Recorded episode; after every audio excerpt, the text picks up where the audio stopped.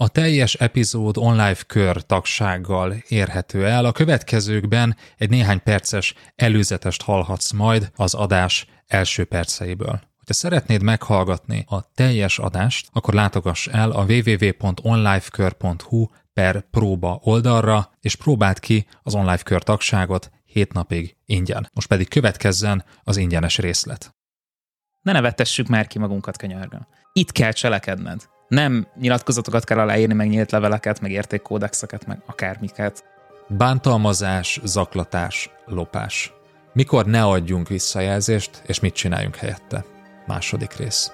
Üdvözöllek, ez az Online Management Podcast, én Ungvári Péter vagyok, és a mai adásban folytatjuk beszélgetésünket üzletársammal, Berze Mártonnal, arról, hogy mit kezdjünk az igazán nehéz és remélhetőleg ritka helyzetekkel, amikor azonnali közbeavatkozásra van szükség. Hogyan érvényesítsük a következményeket, milyen következménye legyen ezeknek a tetteknek, és mi az, amit semmiképpen ne tegyünk. Tarts velünk! Folytatjuk az előző adásunkat, ahol arról beszéltünk, hogy mikor ne adj visszajelzést, beszéltünk szóbeli, fizikai bántalmazásról, szexuális zaklatásról, hazugságról, lopásról, és hasonló kirívóan káros viselkedésekről, amiket valahogyan kezelnünk kell, és ez nem visszajelzés lesz. És itt az első lépés az volt, hogy megszüntetjük a helyzetet. Közbeavatkozunk, közbelépünk és leállítjuk. Hát most beszéljünk akkor a második lépésről, hogy mi történik, miután leállítottuk, és hát valójában nem azt mondjuk, hogy mi történik, hanem két nem lépés fog következni. És ezek közül az első nem lépés, azaz a folyamatnak a második lépése, hogy ne kezdj nyomozni. Ne menj át se Sherlock Holmesba, se Miss Marple-be, se Poirot-ba.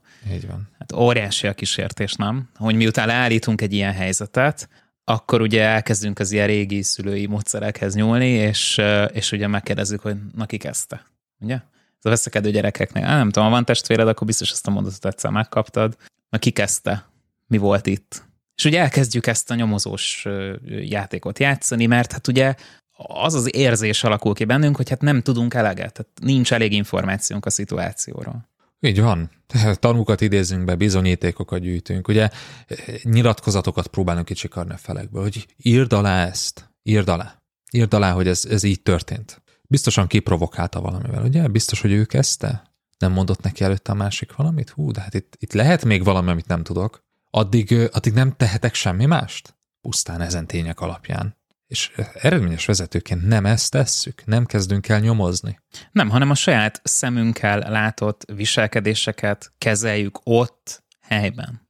És nem várunk arra, hogy valamilyen új nem tudom, információ alapján hát majd megváltozik az álláspontunk ez is lehetséges. Tehát szerintem erről beszéltünk még talán az előző adásban is. Tehát lehet, hogy majd utólag kiderül, hogy félreértetted a helyzetet, ugye ez már akár az első lépésnél is kiderülhetett, vagy hogy felbukkan valamilyen olyan új információ, amelyek mentén majd változtatsz a véleményeden, de ez nem azt jelenti, hogy addig ott ülsz, csöndben, vársz, nyomozgatsz.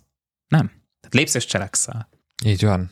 És ha érkezik új információ, majd akkor változtatsz a véleményeden. Ha változtatsz, jó, tehát ez sem feltétlenül biztos. Mindenkinek megvan a motiváció egy ilyen helyzetben, hogy nem mondjon el dolgokat, hogy hazudjon, hogy ferdítsen. Nyugodtan támaszkodhatsz arra, amit láttál. Jó? Nem kell mögöttes okokat keresni. És akkor a harmadik lépés az megint egy nem lépés, az ultimátum. Meg pedig az, hogy ne adj ultimátumot.